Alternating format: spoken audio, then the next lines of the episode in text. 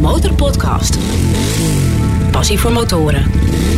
Met Dennis QC en Peter Kroon. Aflevering 76 van de nummer 1 podcast voor motorrijders en motorliefhebbers. Vanuit het Glazen Huis, midden op de motorbeurs in Utrecht.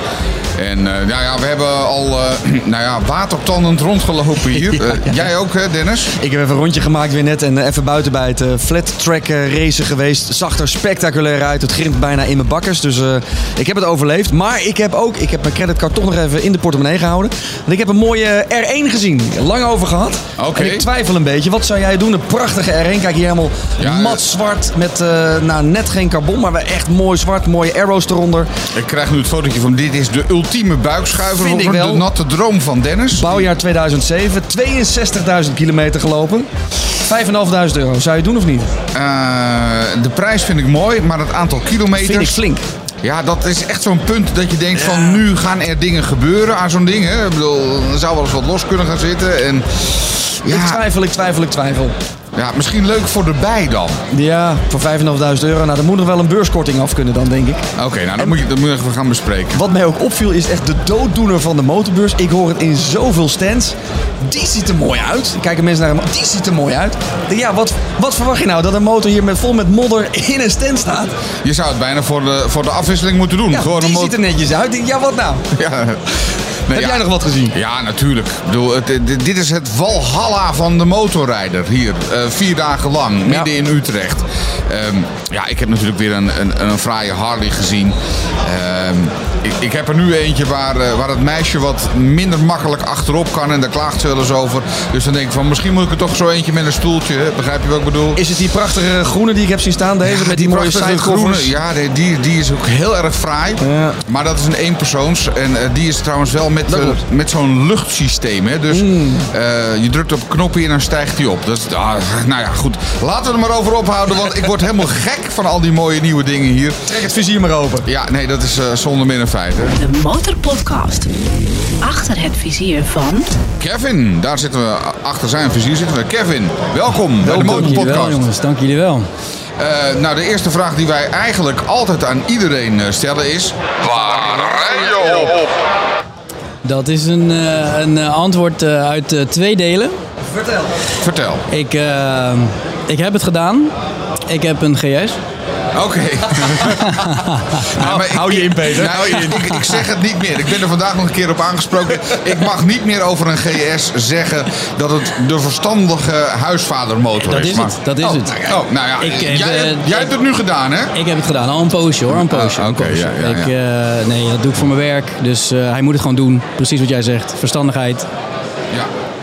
En, eh, maar je doet, je doet meer dingen. Je bent ook, Ja. je, jij rijdt ook hard. En dat is Dat, ook dat, ja. eh, niet, niet op die GS. maar Ook wel eens, hoor. Ook wel eens. Nou ja, goed. Maar je mag het niet eh, toegeven. Hè? nee, echt. Nee, eh, ja, het tweede deel van de antwoord is eh, een Ducati Panigale. Oh, ja, dat is andere. Mooi, mooi, mooi, mooi. Dat is andere koek. Dat is echt een racer. Dat is echt een racer. Welke specifiek? Ik had een 1199. Ja. Eh, die is alleen ontploft Oh, op het circuit.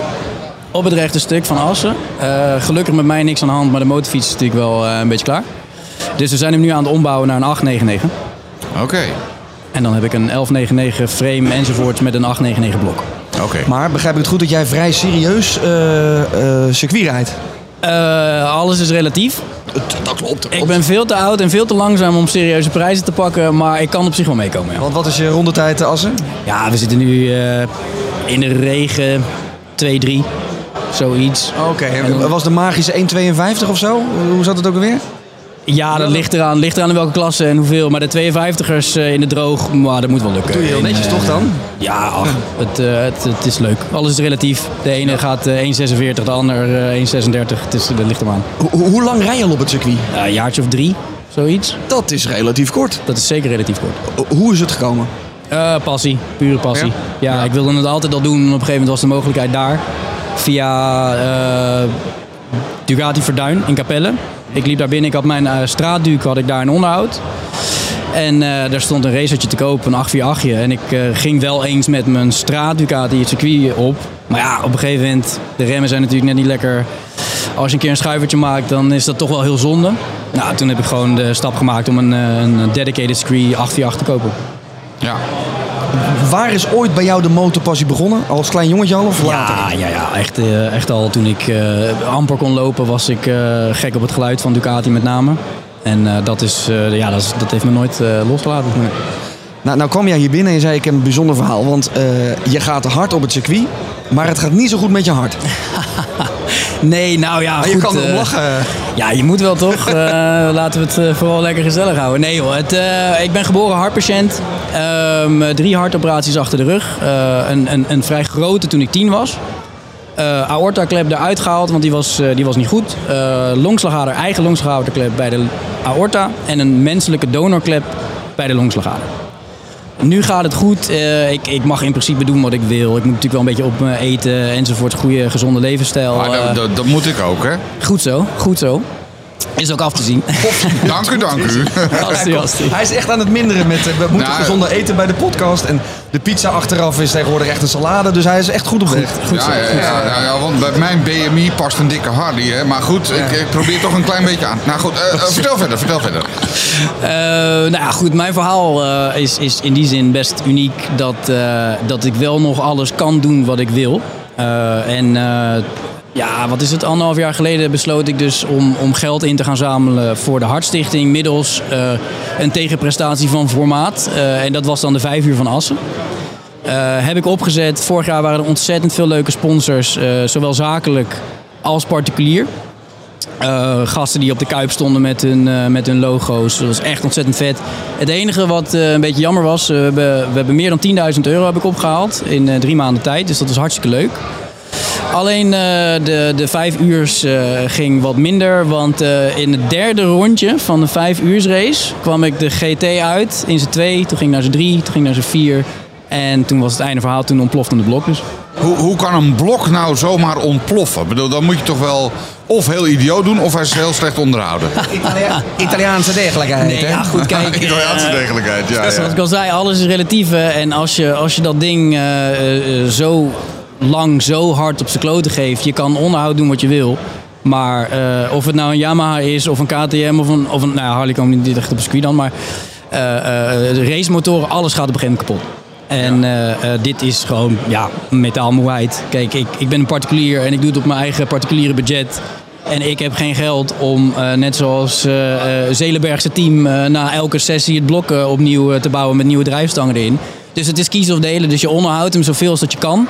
En je vervangt alles wat je wil. Maar ja, als mijn drijfstangen, die dus zijn gebroken destijds, schijnbaar. Als ik die zou moeten vervangen, dan ben ik eh, per dag eh, 2000 euro kwijt aan drijfstangen. Ja, daar is niet tegenop te budgetteren. Nou, Even heel kort tussendoor, want ik weet niet of iedereen de vijf uur van Assen kent. Wat, wat, wat behelst de vijf uur van Assen? Het klinkt dat vrij dat- logisch, maar even. dat je dat zegt. Niet iedereen dat weet dat. Inderdaad. Eh, de vijf uur van Assen is, is een, eigenlijk een vrij korte endurance race. Eh, je rijdt dat in teamverband. Ehm, het is ook met een Le Mans start. Dus de, de motorfietsen staan aan de andere kant van het circuit. Dat gek. Juist. Dat is echt bizar. En dan ren je daar naartoe. Dat heb ik dus dit jaar gedaan. Of eigenlijk vorig jaar al. Ik stond daar, helmpje op, eh, viziertje dicht, eh, noem maar op, pak je aan. En dan ren je dus naar de fiets. Je start hem en dan rij je met z'n 56 rij je de haar eh, op. en dan is het echt ellebogenwerk en noem maar op. En dan je rijdt stints. Dus je, je motorfiets kan, ja weet ik het wat, eh, eh, 20 minuten rijden. Ik noem even wat, zoveel rondjes, zoveel verbruik. Dan, je hebt één transponder per team. Eh, die klittenbanden wij vast aan de tank. Dus ik, er is er maar één. Ik kom de pits in, als mijn motorfiets het doet. Ik kom de pits in. eh, de volgende staat klaar, want ik eh, geef aan dat ik er naar binnen kom. De volgende staat klaar, uit de bandenwarmers, alles erop en eraan.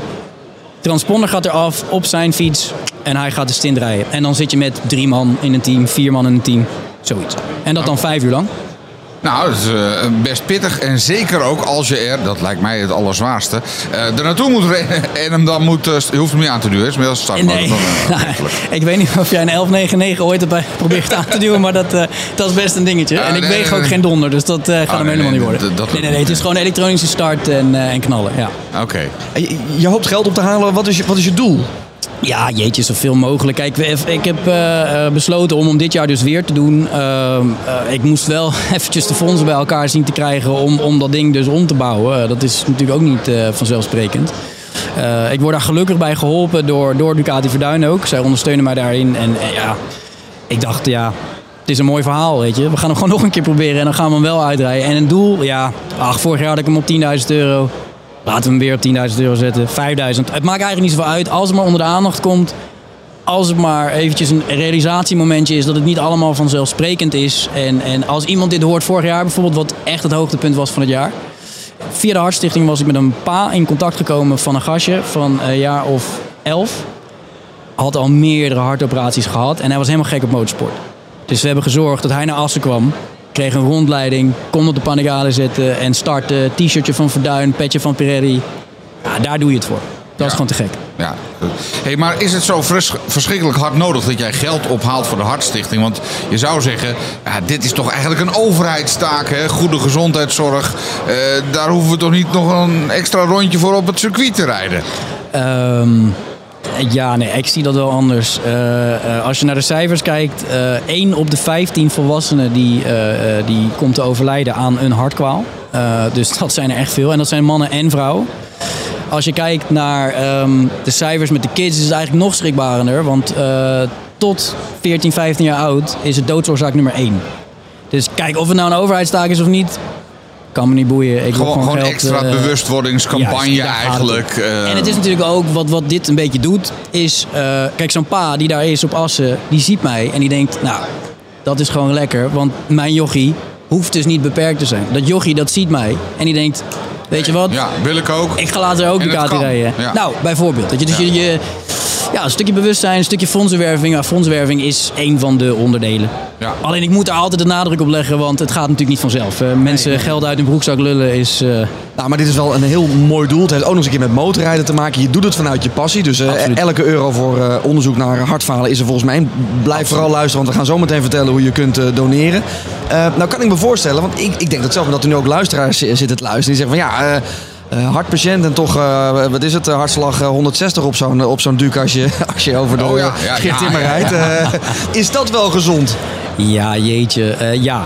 Eh, laat ik het zo zeggen. Ik, ik ben onder controle bij mijn cardioloog in het LOMC al heel mijn leven. En eh, zij kent mij vrij goed. en zij heeft me wel wat dingen gezegd die ik niet mag doen. Ehm, Zoals, wat, wat mag je niet doen op de motor? op de motor mag ik in principe alles. Oh, ik Alleen, niet eh, boven de 300 of zo. Ik, ik noem Nee, ja, juist meer. hoe sneller, hoe beter, jongens. Nee, nee, nee. Eh, je moet het zo zien. Je hebt twee eh, eh, eh, manieren waarop je hart eh, heel erg belast kan worden. Je hebt eh, eh, piekspanning, dus, dus kracht. En je hebt eh, snelheid, en dat is dus zeg maar cardio. Als ik wil, kan ik een marathon lopen. Geen enkel probleem. Als die hartslag omhoog gaat, geen enkel probleem. Sterker nog, is het best goed voor me. Gaat het bloed door mijn lijf, houdt het gezond, noem maar op. Piekspanning, dus kracht, echt eh, gewicht heffen enzovoorts. Dan komt er zoveel spanning op die aorta te staan. Dan kan die scheuren en dan is het einde verhaal. Dus voor mij, sportschool is ook af te zien natuurlijk. Dat, eh, die No ik niet zo vaak. nee, nee, nee, maar ik ben een klein van stuk. En, dus, dus echt krachtdingen is geen goed idee. Voor de rest mag ik in principe alles. En eh, een 24 uur van Le Mans, of wat is het, een 24 uur race? Of, eh, dat kan dus ook. jongen, als ik de loterij win, ben ik de eerste die aan de startlijn staat hoor. Ja. Hey, maar staat er voor jou nog een operatie dan nu gepland? Eh, nog niet in de planning, maar hij zit er wel aan te komen. Oké. Ja. En hoe ben je daaronder? Ja. ja, wat moet gebeuren, moet gebeuren. Ja, ja, nee, maar de, en staat voor niks tegenwoordig. Nou dus, ja, eh, kijk, het is geweldig wat die mensen allemaal kunnen. Ja. Het is onvoorstelbaar. En eh, ja, ik- ja, het klinkt misschien gek, maar ik heb altijd alleen maar positieve ervaringen gehad. Want ik ben blij dat ze het hebben gedaan. Anders was ik er nu misschien niet geweest. Zo zie ik het. Ik probeer het altijd van de... En ieder huis heeft je kruisje. Dit is mijn ding, de ander heeft dit, de ander heeft dat. Weet je. Ja, maar ik vind het wel mooi dat je, eh, nogmaals, die combi met passie met motoren gewoon gaat. Je haalt er het, optimale uit. Gewoon een fucking mooie race op, eh, op Assen neerzetten. Ja, dat is, dat is toch mooi? En dan daarmee geld ophalen voor het goede doel. Nou, de, ja, de mes snijdt aan de wel 16 kanten, Ik denk wilde ik. net zeggen, win-win-win. Ja, ja. Ja. absoluut. Nou, als je nu zit te luisteren en je wilt geld overmaken, waar moet je dan naartoe? Dan moet je naar. Eh, makkelijkste, je- je moet niks, maar als je wilt. als je het wilt, dan moet je. Nee, nee, nee. nee. Eh, als je gewoon naar Google gaat en je doet Kevin en dan Hartstichting Motor. Eerste hit is mijn donatiepagina. Daar kun je met je Ideal, wat dan ook. Er staat ook een QR-code in de Strada van Ducati Club. Die kan je scannen, kom je gelijk op mijn pagina. Mocht je nou ondernemer zijn met, let op hè, hart voor de zaak. Goed gevonden, Ja, hard, ja, juist, ja, precies. Nou ja, ik heb dus een Instagram-pagina, daar hou ik ook allerlei dingen bij natuurlijk. Ehm, dat is Hartstichting met DT. Dus Hartstichting. Daar kan iedereen me vinden, daar ben ik te bereiken. Eh, eh, dus ja, als je een leuk idee hebt of je wil met je zoontje komen kijken of met je dochtertje of, of zelf, maakt allemaal niet uit. Alles kan. Verzin een leuke manier waarop je Kevin kan steunen. Kom kijken, kom doneren. Van 1 euro tot een miljoen, alles is welkom. Het Hartstichting met DT op Instagram. We zullen de eh, link ook nog even in de show notes zetten. Dan weten mensen je helemaal te vinden. Te gek. Ik wens je heel veel succes bij die vijf uur. ik wens je ook heel veel succes bij die start. Want die start vind ik echt wie dat ooit bedacht heeft. Ik denk, ga gewoon bij die startlijn staan. Of weet het, op de, op de, Ja, op de stands. ja, maar, ja. maar goed, het hoort erbij. Ja, zeker. En eh, ik vind het er altijd een beetje slapstick uitzien. Maar en er gaat ook altijd dingen fout. Maar het hoort erbij. Dus eh, heel veel succes op Assen. En tof dat je je verhaal even wilde delen. Dankjewel jongens, bedankt dat ik hier even mijn verhaal mocht doen. De Motorpodcast. Zoveel mensen, zoveel verhalen. De tweede beursdag eh, in een overvolle motorbeurs. Utrecht was echt bomvol en het loopt bijna ten einde. Maar wij treffen hier nog een vervent motorrijder. Welkom bij de Motorpodcast. Stel jezelf eens voor, wie hebben we achter de microfoon? Ik eh, ben Tony Scholten. Tony Scholten. De eerste vraag die wij altijd stellen in de Motorpodcast, dat is de meest belangrijke vraag. Waar rij je op? Ik rij op een motorfiets waar de Amerikanen op stonden te wachten met smart. Oh, ja. hebben we het dan over een, een, een Harley? Harley? Oeh, Daar stonden de Amerikanen. Dat, dat, dat, dat is toch Amerikaans en daar wachten ze op, of niet? ja, op een goede Harley hebben ze wel heel lang op moeten wachten. Ja, Oh, nou, dus, ja, wrijf het er maar even in. ja, ja. ja. De, Am- de Amerikanen stonden met smart te wachten. Er zijn zelfs filmpjes van. Op de eerste container uit Duitsland. BMW, de K100. Oh. De, de rijdende baksteen. En, Niet bekend? eh, nee, dit verhaal is mij niet bekend. Nee, het Ik- verhaal niet. Maar de rijdende baksteen zeggen jullie ook niet? Vertel. Ja, en een Ja, motor die niet vooruit te eh, krijgen is. nee, de- het blok is heel vierkant. Ja. Oh, En daarom noemen ze hem de baksteen. Ja, de rijdende baksteen. En die eh, Amerikanen die hadden natuurlijk hele nare ervaringen met eh, Harley Davidson.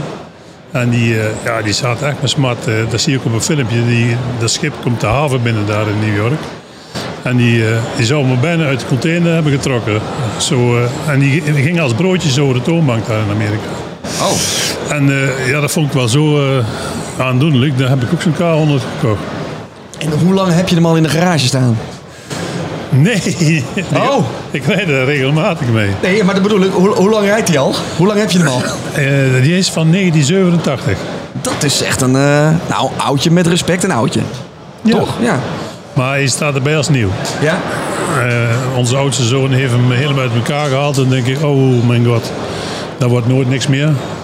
Hele garage vol met boutjes, moertjes en ringetjes. Maar hij, eh, hij is nog beter als nieuw. Hij wordt elke keer beter. Ja, serieus waar. Hij rijdt als een zonnetje. Wat betekent motorpassie? Want we maken een podcast over de passie voor motoren. Wat betekent motorpassie voor jou? Ja, de vrijheid. De vrijheid en, en, en de bewegelijkheid. En waar je eh, ja, in een auto dus natuurlijk een hele hoop regelgeving voor de motorfiets ook. Maar een motorfiets heb je toch nog een beetje het gevoel dat je iets ondeugender kunt zijn als met een auto.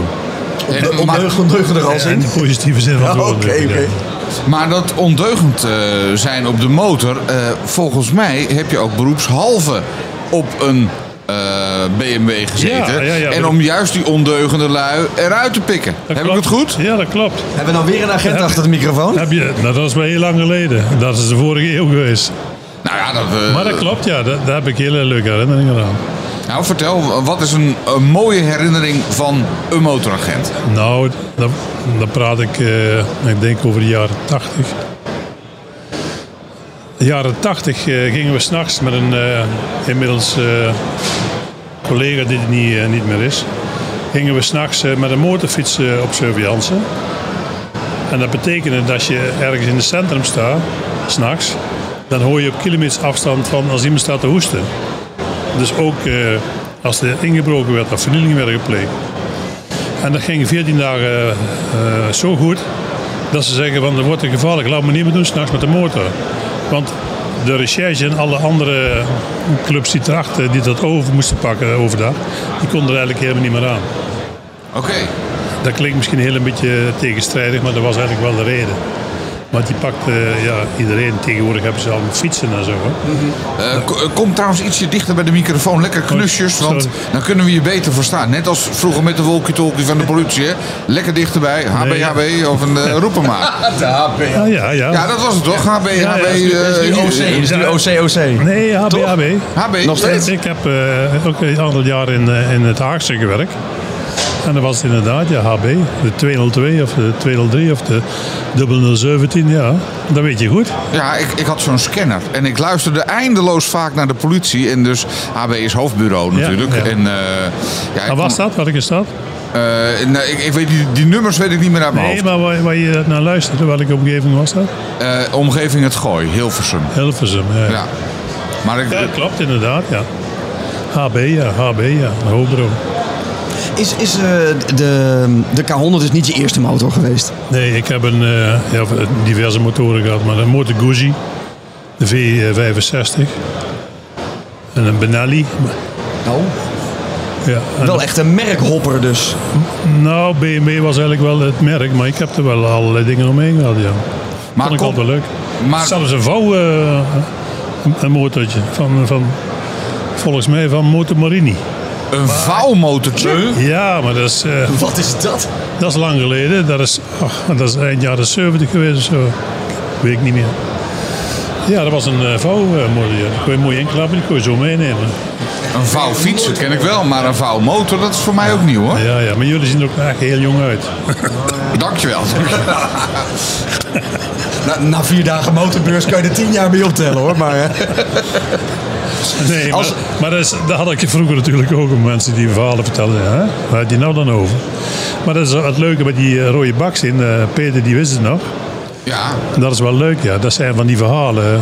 Ja, dat speelde toen, hè. Harley Davidson, daar waren ze helemaal klaar mee. Het was een en al eh, rampen, sleutelen.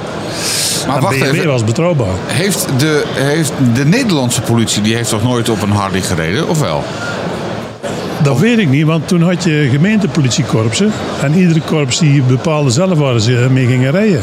Honda, BMW. eh het zou best kunnen, de Harley ergens gereden heeft in eh, Amsterdam of zo. eh, ik weet niet. Den Haag reed in ieder geval met Mercedes. Mercedes, ja, auto's. Ambassadestad, hè. Ja, maar dat was alleen met een auto natuurlijk. Jawel, dat klopt, inderdaad. Maar volgens mij reed hij het goedkoopst van heel Nederland. Eh, dat, dat moet je even, even verklaren. Nou, die kochten ze natuurlijk goed in. Mercedes was er natuurlijk heel enthousiast over. En die reden een ton, anderhalve ton maximaal. En dan gingen ze de markt in. Dus de aanschaf en, en de restwaarde, dat was gigantisch. Dus die reden, die reden waarschijnlijk het goedkoopste van heel Nederland als ge- gemeentekorps. Ja. Nou, e- even terug naar de politie en de politiemotoren. Dat is natuurlijk BMW, hè? De, de, wat was het ook alweer? De K1600. Lange tijd van BMW. Of heb je dat dan niet meer meegemaakt als politieagent? Ja, ik, ik weet nog wel de R75 en, eh, en de R80 bij de Rijkspolitie, eh, die mooie zwarte motorfietsen. Maar bij de politie ja, er waren verschillende modellen. Afhankelijk van de, van de dealer eh, die in de buurt woonde van de grote stad waar gemeentepolitie was. Ja. Weet je wat ik nou altijd afvraag hè, van, van de motoragenten? Vroeg of laat moet je ook een keer andere motoren aanhouden. Eh, dat, dat moet toch iets met je doen als liefhebber van, eh, van de motorfiets? Of heb je dan zoiets van, nou, ik hou een motorrijder staande en dan... Ben je dan coulanter als motoragent? Dat, dat wil ik eigenlijk vragen. Nou, ik ben altijd veel te coulant geweest, daarom ben ik ook heel vroeg weggegaan. Oké, dus... Dat, dat, dat, dat, dat, dat speelde bij mij niet. Ik heb daar nooit. eh, kijk, je zit in een vak waar je macht eh, ter beschikking hebt gekregen om uit te oefenen. Maar daar moet je op een goede manier mee omgaan. En dan is het een prachtig vak. Maar tegenwoordig wordt het alleen maar lastig voor de mensen op straat. Die, eh, die moeten de klappen opvangen en die worden van alle kanten bekritiseerd en aangevallen en gefilmd. En er is geen één overheid meer die zegt van eh, dat zijn onze jongens die zorgen voor onze veiligheid. Het wordt maar een beetje te grappig gegooid. En, eh, ik ben blij dat ik al heel lang eh, weg ben, maar ik heb nog steeds respect voor de jongens op straat. Absoluut, absoluut. Als ze gewoon met respect motorrijders behandelen, gewoon terugzwaaien. Hè? Daar zijn wij dan, eh, dat motto hebben wij, zwaaien en terugzwaaien. Ja, maar ik denk dat dat ook zo hoort, ja, dat je elkaar in die zin eh, alleen maar kunnen helpen. En, eh, een vriendelijk mens eh, kan overal terecht. Zo is het. Even terug naar de BMW K100. Hè? Hoeveel kilometer per jaar eh, komt erbij, zo gemiddeld?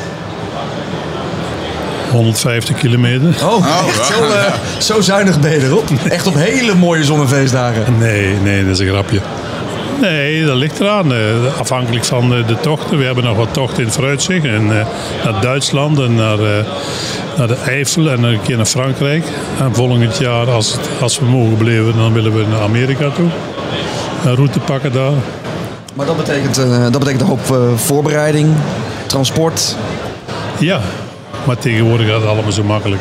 Oh, ja. Wat is het eh, mo- mooiste, of het meest memorabele motormoment dat je met de K100 hebt meegemaakt? Nee, Oh, er gaan er heel veel, heel veel momenten door je gedachten, zie ik. Ook heel veel leuke hoor ik. Ja, hele, ja, verschillende. Pik er één uit. Ja, maar dat was niet met een K100. Dat was in Den Haag. Dan kregen we motorgymnastiek. Dat was toen allemaal nog heel belangrijk. Hè? Dat je voor op de koplamp zit en, eh, en erachter hangen, ernaast hangen. Motorgymnastiek. De motorgymnastiek, ja. Je moest daar afrijden om, met een motor te mogen rijden. Dus dat was allemaal goed geregeld in die tijd. Ik, weet trouwens niet hoe het nu is. En toen was er een collega die, eh, die kwam met de surveillanceauto langs en die, eh, die dronk bij ons een bakje koffie, hadden even pauze. Het was in Scheveningen ergens boven op een bult. En we zeiden tegen hem, zijn voornaam eh, was Randy, zijn achternaam niet meer noemen. En die eh, zei, ja, dat is iets voor jou joh, met die motor rijden. En er lagen van zulke grote blokken beton.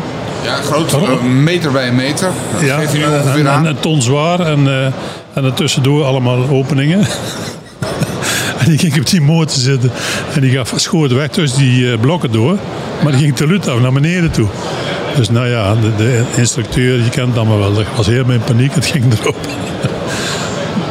De afloop zal ik, eh, dat zal ik maar niet vertellen, maar het was ja, in ieder geval heel hilarisch. Ver- Vertel me wel, wat, wat is er toen gebeurd? Nee, Eh, Goed terechtgekomen, goed afgelopen. Laten we het daarop houden. ja, het is allemaal goed afgelopen, ja. De motor, de motor, de motor iets minder, maar eh, Oh, oké, de persoon in kwestie wel, ja. Oké. En, en privé het mooiste moment? Met, met zoons, want je, je, komt, je hebt echt een motorfamilie, dus jullie gaan vaak samen op pad. Dan moeten er mooie momenten zijn, denk ik. Ja, prachtige tocht eh, hebben we gereden. De ene voorop en dan de andere voorop. Ja, geweldig als je een rustige, mooie tochtje kunt maken binnendoor. We zitten vlak aan de Duitse grens. Een geweldig mooi gebied om te rijden. Maar wel rustig en ontspannen. Niet, eh, niet geen buikschuivers. Allemaal lekker eh, ontspannen. En genieten van de omgeving. En van de motor. Zo is het. Hè. Daar is de passie voor motoren toch. eh, Ja. dat, dat bindt ons gezellig. Ja. Genieten van de vrijheid, van het mooie weer of het slechte weer. Hij houdt van rijden in de regen. Maar eh, Oh, dat is dat is een van de. ik, kan, ik kan er tegen. Ik heb het ook gedaan natuurlijk. Maar jullie hadden me eh, betaald voor 10 minuten. Maar volgens mij zit het wel een half uur. Nee, nee, oké. We- Ze moeten door. We zitten op 12 minuten. Maar we- moet door. Heel veel plezier als jullie naar Amerika gaan. Ja. Maar ook met al die andere tochten in de buurt van de Duitse grens. Geniet ervan en eh, ga nog lang daarmee door. En jullie veel succes met het programma. Oké, dankjewel. De Motorpodcast. Einde van aflevering 76 alweer van de Motorpodcast. En ook einde van dag 2 van de Motorbeurs. En wij zitten hier nog steeds in ons glazen huis. Want we hebben weer een hoop mooie verhalen opgenomen. Er zijn heel veel luisteraars van de Motorpodcast langs geweest. Dat is leuk om eh, te horen. Ook heel veel op de foto geweest. Dat is ook weer nieuw voor ons. Met Ja. fans van de Motorpodcast. Eh, heel veel mooie verhalen opgenomen. En ik vond het verhaal van ehm, Kevin. Kevin, de hartpatiënt, die gaat eh, rijden op Assen. Wel heel mooi om geld in te zamelen voor de Hartstichting. Als je hem wil sponsoren, ga even naar Instagram Hartstichting met DT. Want daar kan elke euro goed gebruiken. Hard dus, eh, rijden? Ook hard rijden, ja. Dus ik vind het wel mooi dat iemand zijn passie inzet om iets goeds te doen voor de Hartstichting in dit geval. Ja, vond ik ook een, eh, een mooi verhaal. Maar ook, eh, nou ja, uiteraard onze motoragent net nog eventjes. Ja. Onze oud-motoragent met ook weer mooie verhalen over oude motorfietsen. Over nieuwe reizen die hij nog gaat maken. Het is een en al motorpassie wat je bij ons hoort in de Motorpodcast. En hier op Motorbeurs Utrecht. Ik wil nog wel voor we echt gaan afsluiten eh, mensen oproepen. Ga eventjes naar de social van de Motorpodcast. Want ik ben wel benieuwd wat jullie nou vinden van die R1 die ik heb zien staan. 5500 euro voor eh 62.000 kilometer uit 2007. Ik vind hem er heel mooi uitzien. Maar eh, de luisteraars moeten maar even meebeslissen of ik hem eventueel zou moeten kopen of niet. Hè. Eventueel, let op. Want ik heb geen 5.500 euro liggen. Maar ik ben benieuwd wat jullie ervan vinden. Als je het doet hier, als je hem gaat kopen hier op de beurs, dan maak je natuurlijk kans op dat je die aanschafwaarde, of tenminste die, eh, wat is het, 5500 euro, dat je die gewoon terugkrijgt. Dus ik zou bijna zeggen, eh, Dennis, waag een gokje. Doe het maar gewoon. Nou, ik ga er eerst nog maar een biertje op drinken, denk ik. Op een succesvolle tweede dag op eh, Motorbeurs Utrecht. Eh, fijn dat je weer hebt geluisterd naar een nieuwe aflevering van de Motorpodcast. We zijn er zo'n beetje elke twee weken, maar nu tijdens de Motorbeurs extra vaak. Gaat het nog met de stem? Het gaat nog wel met de stem, maar we moeten bier? nog twee dagen. Er moet wat meer bier in en misschien wat meer whisky. Op naar morgen, de derde dag van Motorbeurs Utrecht. Is het nou de eerste keer dat je luistert? Abonneer je dan, want dan krijg je automatisch de volgende aflevering. Hey, en over whisky gesproken. We hebben net nog even een fles gekregen, whisky, van... Jessica en Maarten van eh, Winding Wheels. Hartstikke mooi. Misschien gaat dat de stem een beetje helpen. Ja, ik, ik denk dat je even moet smeren met whisky. Nou, Wie zo- zal het zo- zeggen? Zoiets. Eh, morgen weer een beursdag, maar blijf ook gewoon de Motorpodcast volgen, want hier gaan we gewoon mee door. Absoluut. Demotorpodcast.nl, daar vind je alle afleveringen. En natuurlijk vind je ook op de socials Instagram en Facebook de Motorpodcast. De Motorpodcast. Gratis in je favoriete podcast app.